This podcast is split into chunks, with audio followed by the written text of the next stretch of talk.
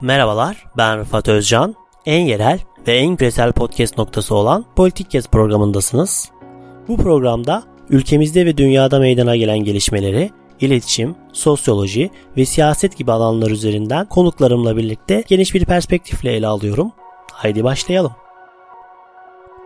Merhabalar, Politik Gez Podcast programına hoş geldiniz. Bugünkü konuğum Orhan Gafarlı. Kendisiyle geçen yıl aslında yazdığı Putin üzerine bir e, yazı etrafında e, konuşacağız. Bir yıl geçti yazının üzerinden. Hem de yazıyı geriye doğru da bir değerlendirebilmiş olacağız. Programa hoş geldiniz Orhan Bey. Merhabalar, hoş bulduk. Çok teşekkür ederim davetiniz için. Çok sağ olun. Kısaca bir kendinizden bahsedebilir misiniz önce? Ben Orhan Gafarlı. Rusya üzerine çalışıyorum. Rusya ve Avrasya e, üzerine çalışıyorum. Ankara Üniversitesi Siyasal'da Rus dış politikasında kimlik arayışı ve batıdan kopuşun tarihsel analiz üzerine bir doktora tezi yazdım.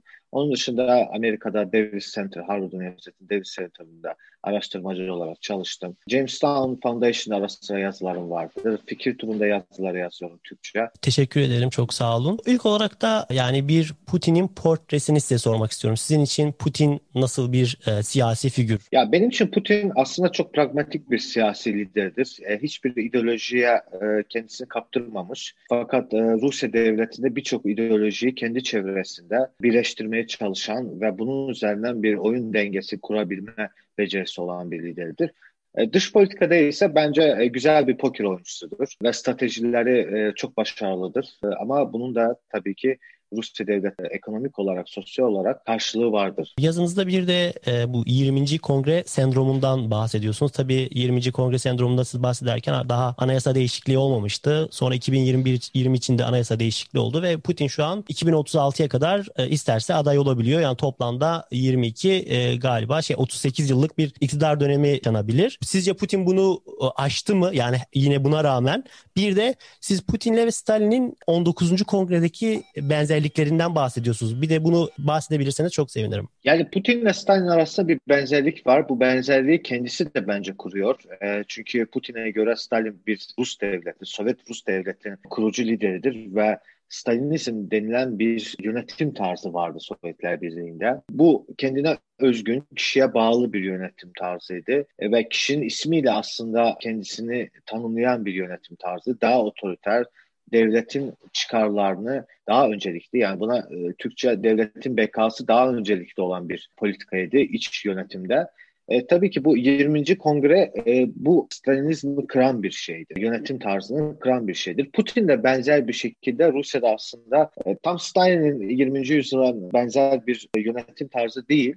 Ama kendine özgün bir yeni bir Rusya devletinin kurucusudur. Yani Yeltsin'den sonra e, bu devleti kuran Putin, kendi ayakları üzerine bu devleti e, koyan Putin e, bugün bir Putinizm olarak, rejimin ismi de Putinizm olarak e, algılanmaktadır. Stalinizm ve Putinizmin e, her ikisinde benzer bir sorunu var. Sorun şu, her ikisi bir lidere bağlı ve liderden sonrasını rejimin transformasyonunu öngöremeyen bir rejimdir. Hem Putinizm hem Stalinizm şöyle bir özelliği vardır. E, özellikle Putin'den sonra bir Khrushchev dönemi tekrardan yaşanabilir mi? Yani Putinizmin yıkımı, tekrardan farklı bir rejimin inşası mı olur diye. E, bugün de Rus kamuoyunda özellikle uzmanlar içerisinde e, bu tartışma yapılmaktadır. Bir de yazınızda Rusya yakından takip edenlerin bileceği bir isim Vladislav Surkov isminden bahsediyorsunuz. Putin'in ideoloğundan. Şu an e, görevde olmadığını da söylediniz. O ben de onun posturu tartışmalarından dolayı biliyorum. Yani propaganda modelleri üzerine e, yoğun olarak çalıştığı için. Onun Putin'in uzun yönetim adında bir yazısından bahsediyorsunuz ve bu yazıda Putin'i dördüncü büyük devlet inşası modelini ortaya koyduğunu söylüyor. İşte Büyük Ivan, Büyük Petro, Lenin ve Putin olarak bir tarihi bir background e, veriyor. Siz bu dördüncü büyük devlet inşasını e, biraz açabilir misiniz bizim için? Biraz önce söylediğim gibi yani nasıl ki Stalinizm bir devleti inşa ettiyse Putinizm de yeni bir Rus devletini inşa ediyor. Şimdi Surkov Rusya'da tahminen yani 2000'lerden e, itibaren Putin'in ekibinde yer alan ve iletişim aslında siyasal iletişimi iyi bilen e, bir uzmandır. Tabii onun yükselişi Kremlin'de liberalların tasfiyesiyle başladı. Özellikle mesela Gleb Pavlovski gibi isimlerin Kremlin'den uzaklaştırılmasıyla başladı. Ve bu Surkov aslında Putin rejiminin siyasal iletişimini kuran kişidir. Yani toplumla rejim arasındaki ilişkiyi ve tanıtımını yapan kişidir. Ve renkli devrimlere karşı strateji üreten bir kişidir Surkov. Ve aynı zamanda uzun zaman Rusya çalışanların çoğu bilir veya demokrasi, karşılaştırmalı siyaset çalışanların egemen demokrasi modelini ortaya koymuş bir isimdir. Ve en sonunda derin devlet, derin toplum diye bir ayrım yaptı. Rusya'da aslında derin devletin değil de derin bir toplumun olduğunu e, iddia ediyor. Surkov'un e, Putinizm rejiminin inşasındaki rolü çok büyüktür. Fakat bugün Surkov'un kendisi iktidardan, görevden alınmış ve boşta kalan birisidir. Bir ideologdur. Fakat Gleb Pavlovski'nin tam onun karşısında duran Gleb Pavlovski'nin ifade ettiği gibi Rusya devletinin refe ol diyor. Refe ve miminik bir cumhuriyetin kurucusudur. Surkov ideologlardan birisidir ve Putin de bunlardan birisidir. Şimdi tabii ben yazımda Lenin'in bir devlet kurucusu olarak e, gösterdim. E, Sovyet Rusyası'nın kurucusu olarak. Ama Rusya çalışanların çoğu buna katılmayabilir ve şey derler aslında devletin kurucusu Stalin'dir. Evet haklılar çünkü Lenin'in şöyle bir iddiası vardı ki Çarlık döneminden bizim devraldığımız Rusya devletini biz çökertmezsek emperyalizmi çökertemeyiz. Rus devletinin kanındaki o emperyalizm Sovyet Rusyası'na transfer olmuş olacak ve bu emperyalizm devam edecek. Aslında Lenin'in dedikleri hepsi oldu. Sovyet Rusyası'na bir e, geçiti oldu bu emperyalizmi. Çünkü Sovyet Rusyası aslında Çarlık Rusyası'nın sınırlarında kuruldu ve neredeyse Sovyetler Birliği'nin toprak arazisi olarak bakarsanız dörtte üçü neredeyse Sovyet Federatif Devleti'ydi. Ve 90'lardan itibaren aslında Putin, Stalin'in kurduğu o federatif 1937'de anayasası da kurulan Sovyet Rusyasını Putin 90'lardan sonra yani 2000'lerden itibaren Yeltsin'e iktidara devralarak aynı refe dediği e, Gleb Pavlovski'nin Rusya Federasyonu'nu, Büyük Rusya Devleti hayalini tekrardan kurmuş oldu. İşte burada dördüncü uzun bir iktidar dönemi, yönetim döneminden bahsediyoruz. Yani Rus tarihinde bütün bu uzun yönetimler e, hepsi başarısızla sonuçlanmış. Rusya ondan sonra bir e, krize girmiş. Bu kriz hem kimlik krizi olmuş hem ekonomik krizi olmuş. İşte dediğimiz gibi Korkunç Ivan'dan sonra da Rusya bir e, karmaşıklık dönemi yaşamış. Petro'dan sonra da yaşamış. Stalin'den sonra da 20. Kongre e, bir e, krizi olarak ben bunu adlandırıyorum. Yani bu krizi yaşamış ve Putin'den sonra da büyük ihtimal benzer bir şekilde uzun bir iktidarın getirdiği enstitülerin zayıfladığı bir ve kişilerin öne çıktığı bir iktidarda tabii ki bu benzer bir krizi yaşayacak. Ben bunu aynı şekilde birikimde popülizm diye bir yazım vardı. Rusya'da popülizm, Navalny vs e, Putin. Orada da bunu ima ediyorum. Yani Rus Putin aslında popülist liderlerin içine koyuyorum. Çünkü popülizm tartışmasına girersek orada aslında kişiler öndedir. Ve dikkat ederseniz Putin'in Türkiye ile olan ilişkilerde de hep kişilere bir vurgu yapmasıdır. Mesela Erdoğan'la iyi anlaşmasını vurgulamasıdır. Yani enstitüler arası kurumsal bir ilişkileri sevmeyen bir liderdir. Ve bütün bu baktığımız dört devlet kurucusu dedikleri devlet kurucuların hepsi de popülist, kişiye öncelikli veren ve kurumları sıradan çıkardan ve yeni kurumlar kurmakta da başarısız olan liderlerdir. Petro dahil. Petro bütün reformları başarısız oldu ve tekrardan otoriter bir baskıcı bir rejime döndü. Yoksa Petro'nun iktidara gelirken hayalleri çok farklıydı. Aslında belki de tarihin öğrenmediği ve gizli kaldığı diğer bir nokta birinci Alexander'ın kurduğu devlettir. Ve onun ondan devralan birinci Nikolay'ın 1825'i devralan birinci Nikolay'ın devlettir. Burada özellikle muhafazakar ve batıcı liderler olarak da ayrım yaparsak Putin'i şu liderlerle ben koyarım. Korkunç Ivan, birinci Nikolay, Stalin ve Putin. Aslında belki de bu sıralamayı bu şekilde yapmak lazım. Gayet e, güzel bir çerçeve çizdiniz. Derin halk kavramından bahsettiniz. Bir egemen demokrasiden tam kastı ne Surkov'un? Yani devlet bekası. Yani buradaki temel vurgu devlet bekası. Devlet bekası gereğinde e, radikal bir demokrasi değil, kısıtlanmış bir demokrasi milli burjuvazinin, milli liderlerin yetişmesinden sonra devletin bir transformasyon geçirerek daha açık bir demokrasiye geçti. Yani burada Surkov e, Batı literatürünü çok iyi bilen, özellikle edebiyatını da seven, Amerikan edebiyatını seven birisidir. Onun tezi şuydu yani Amerika'da cumhuriyetçi ve demokratlar olarak bir milli elit var. Yerli ve milli elit. Bu elitin oluşmasına kadar Amerika'da kısıtlı bir demokrasi modeli vardı.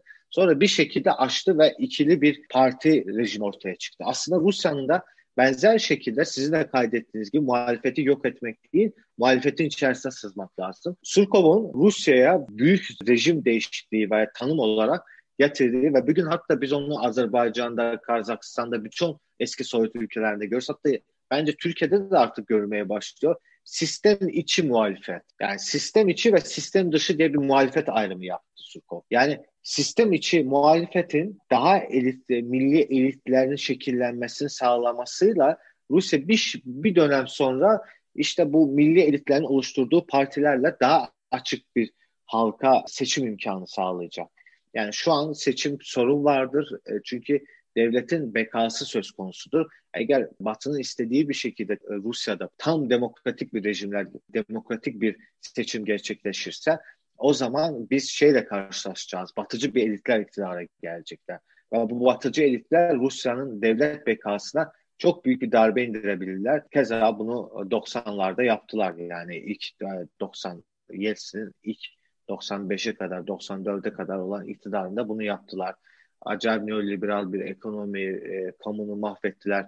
Batı şirketler girdi Rusya'ya falan. Böyle bir açıklaması vardır. Onun için de sistem içi muhalefetin inşa edilmesi ve uzun vadede de orta vadede seçmeni bu bu muhalefete odaklanmasını sağlaması ve diğer taraftan sistem dışı muhalefeti sıradan çıkarmak için Rusya ve eski Sovyet ülkelerin çoğunda böyle bir tanım getirerek e, batıcı elit tanımı onlara damgası vurarak yani onların bütün vakıflar olan ilişkisini kestiler. Yani batı vakıfları Soros veya diğer NDI'dir, National Democracy the Moment gibi büyük e, batılı vakıfların bu hareketlere desteğinin önünü kestiler ve onları aslında şu an sıradan çıkarttılar yani. Eski Sovyet ülkesinden Rusya'ya benzer şekilde bütün dem dışı muhalefet olarak adlandırdıkları partilerin hepsini dernek düzeyine indirdiler, STK düzeyine indirdiler. Parti kurumsal, kurumsallaşmasını mahvettiler. Yani Rusya bunu yaptı ve şeyde ya eski Sovyet ülkelerde örnek alarak bunu yaptılar. Yani aslında proje budur. Burada Surkov'un derin devlet veya derin halk olarak, toplum olarak dediği şey şudur. Aslında Rusya'da derin bir o e, belki de Benedict Anderson'ın hayali cemaat dediği o derin bir hayali cemaat vardır. O hayali cemaat aslında devlet hep yıkıldığında o devleti tekrardan inşa eder. Nasıl ki Lenin, Stalin döneminde bu devleti aslında derin devlet değil, derin halk, halkın için kafasındaki o zihin dünyası, o hayali bir birliktelik tekrardan yeni bir devlet inşa edecek. Ve Rusya'da hayali bir derin halk olduğunu düşünüyor ve bu halk biraz da daha böyle kurumsal, endüstrileşmiş, e, daha yapısalçı olarak harekete geçiyor ve yeni devletliği inşa edebiliyor. Aslında ima ettiği buydu. Surkov'un yazısına gelen hem liberal kanatlar hem dışarıdan hem içeriden hem de Avrasyacılardan gelen bazı tepkiler var. Bunlarda da kısaca değinebilir misiniz acaba? Yani tabii ki liberal kanattan bahsedersek e, şunu anlamak lazım. Liberal kanat tabii ki Surkov'un bütün o saçmalıklarını, saçma konuştuklarını, saçmalık yaptığını, sistem dışı sistem içi olarak muhalefete ayıramayız. Yani çünkü siz sistem içi muhalefet diyerek adam birkaç partiyi meclise bırakıyorsunuz. Diğerleri oy almasına rağmen giremiyorlar meclise. Yani bütün bunların saçmalık olduğunu ve derin halk diye bir şeyin de saçmalık olduğunu neredeyse liberaller mutabıklar bu konuda. Ve liberaller çok acayip bir şekilde Surkov karşıtılar. İster Greg Pavlovski olsun veya diğer liberaller olsun, Vedomosti gazetesinde yazan köşe yazarları olsun. Hepsi e, şeyler. E, diğer taraftan Surkov'un e, Dugincilerle de bir yani Duginci dediğim Avrasyacılarla da bir sorunu var. Çünkü Avrasyacılar Dugin'i batılı bir çerçevede yerleştiriyorlar. Adamı batıcı olarak görüyorlar. Çok komik yani bir taraftan liberaller bunu sevmezken Avrasyacılar da onu e, batıcı olarak görürler. Peki Surkov'un bir portresini çizerse Surkov ne, kimdir, nedir, ne yapmak istiyor? Bence Surkov'un ideolog olarak ortaya attığı bütün şeyler daha ulusalcı bir tanımdır. Yani Türk kelimelerle ifade edersek kavramlarla Ruslar buna Cerjavniçestvo. E, e, Türkiye'de ise bunu bir şekilde ulusalcık yani devletin çıkarları her şeyden önceliklidir. Yani bizim batıcı veya Asyacı olmamız değil de devletin çıkarları neyi talep ederse onu yaparız. Buna biraz da e, siyaset biliminde siyasalın önceliği yani siyasalın önceliği olarak ifade ediliyor özellikle sosyal demokrasi tezlerinde bu daha çok çalışılır. Siyasalın önceliği yani siyaset önceliği devletin çıkarın önceliği Asya olan ilişkileri daha da geliştirmek ise Çin'le bu yapılacak. Yarın tekrardan Batı'yla daha derin bir ilişkiye girmekse bu yapılacak. Bence tam ulusalcı bir şeyi vardır. Cerrah dediğimiz ulusalcı bir portresi, psikolojik portresi vardır Tosukov'un. Putin'in yani şimdi Çarlık döneminde de e, bazı isimlerden de bahsettiniz. Putin'in gerçekten Çarlık dönemine ne bir arzusu, bir e, o döneme bir öykünmesi var mı? Yani Rusya'da bu nasıl tartışılıyor ve siz bir uzman olarak dışarıdan bakan ve bu konuyu inceleyen bir isim olarak e, nasıl görüyorsunuz bu konudaki düşüncelerini? Putin muhafazakar ulusalcı bir devlet portresi kafasında olduğu için onun vurgu yaptığı e, dönemler değildir. Mesela şöyle diyelim bir Sovyetler Birliği dönemi değildir vurgusu. Bir çarlık değildir. İçerideki e, liderlerdir. Mesela Stalin bizim bildiğimiz Bolşevik devrimci Stalin'in çarlık döneminde birinci Nikolay'ın yaptığı muhafazakarlık çerçevesinde yaptığı yaptırdığı bütün sanatsal kültürel, edebi projeler hepsini 38'den sonra yavaş yavaş gerçekleştirmeye başladı. Benzer bir şekilde Putin. Putin hem Nikolay'ın hem birinci Nikolay'ın 1825'te iktidara gelmiş, e, Çar'ın e, ve 55'te vefat etmiş, 30 yıllık bir uzun döneminde gerçekleştirdiği muhafazakar politikalarının mesela eğitim konusunda hepsinin hemen hemen aynısını yaptı. Rusya eğitimi daha devlete bağlı, daha kontrol denetlenecek ve aşırı onların dediği batıcı bir propagandadan çıkarılma neyse onu yaptı. Stalin döneminde devletin çıkarları öncelikliyse, devletin muhalefetle olan ilişkisi neyse, STK ile kamuyla ilişkisi neyse neredeyse birçoğunu yaptı. Tabii yani Stalin döneminde değiştirdiği şeyler de vardı. Yani Putin aslında şey değildir yani e, bir döneme odaklanmış, bir döneme örnek olarak al, alan kişi değildir. Yani Rusya devletinin güçlü olduğu ve muhafazakar politikaların daha öncelikli olduğu dönemlere odaklanıp o dönemlere örnek alan biriydi. Son olarak da şunu sormak istiyorum. Yani Putin dünyada genel olarak bir eleştiri odağında işte popülist e, bir lider olarak adlandırılıyor ve e, genel olarak bir eleştiri odağında. Sizce bu şahsi mi? Yani Putin'e özel bir durumu yoksa Rusya devlet başkanı olmasıyla mı alakalı? Yani bu isim Medvedev'de olabilirdi e, mesela şu an. Bence bu Putin'in siyaset yöntemiyle ilgili olan bir şeydir. Yani Putin Batı ile ilişkilerde bir sınırları olan bir liderdir ve bir davranış kalıbı olan bir liderdir. Yani artık bu birikmiş bir davranış kalıbı var ve çok ciddi bir background var yani Batı ile ilişkilerde, Doğu ile ilişkilerde, Çin ile ilişkilerde.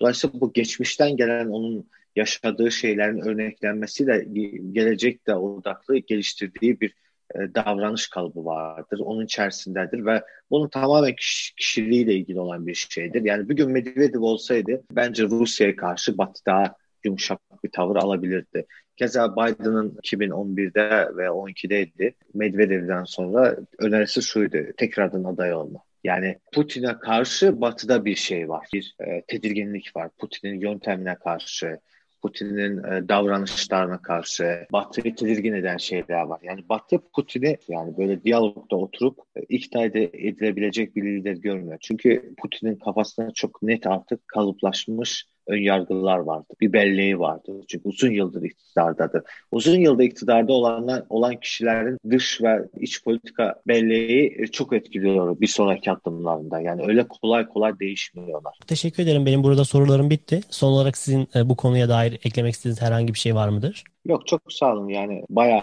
e, geniş bir tartışma yaptık konuşma yaptık. Gayet güzeldi. Çok teşekkür ederim davet ettiğiniz için tekrardan. Ben tekrardan, tekrardan çok teşekkür ederim katılım gösterdiğiniz için. Politik Kesti dinlediniz. Bu programda Orhan Gafarlı ile Putin ve Putinizmi e, konuştuk. Biz dinlediğiniz için teşekkürler. Kulağınız bizde olsun. En yerel ve en küresel podcast programı Politik Kesti dinlediniz. Bizi Spotify, Apple, Google Podcast üzerinden ve sosyal medya hesaplarımızdan takip etmeyi unutmayın. Yeni başlıklar ve konuklar için kulağınız bizde olsun.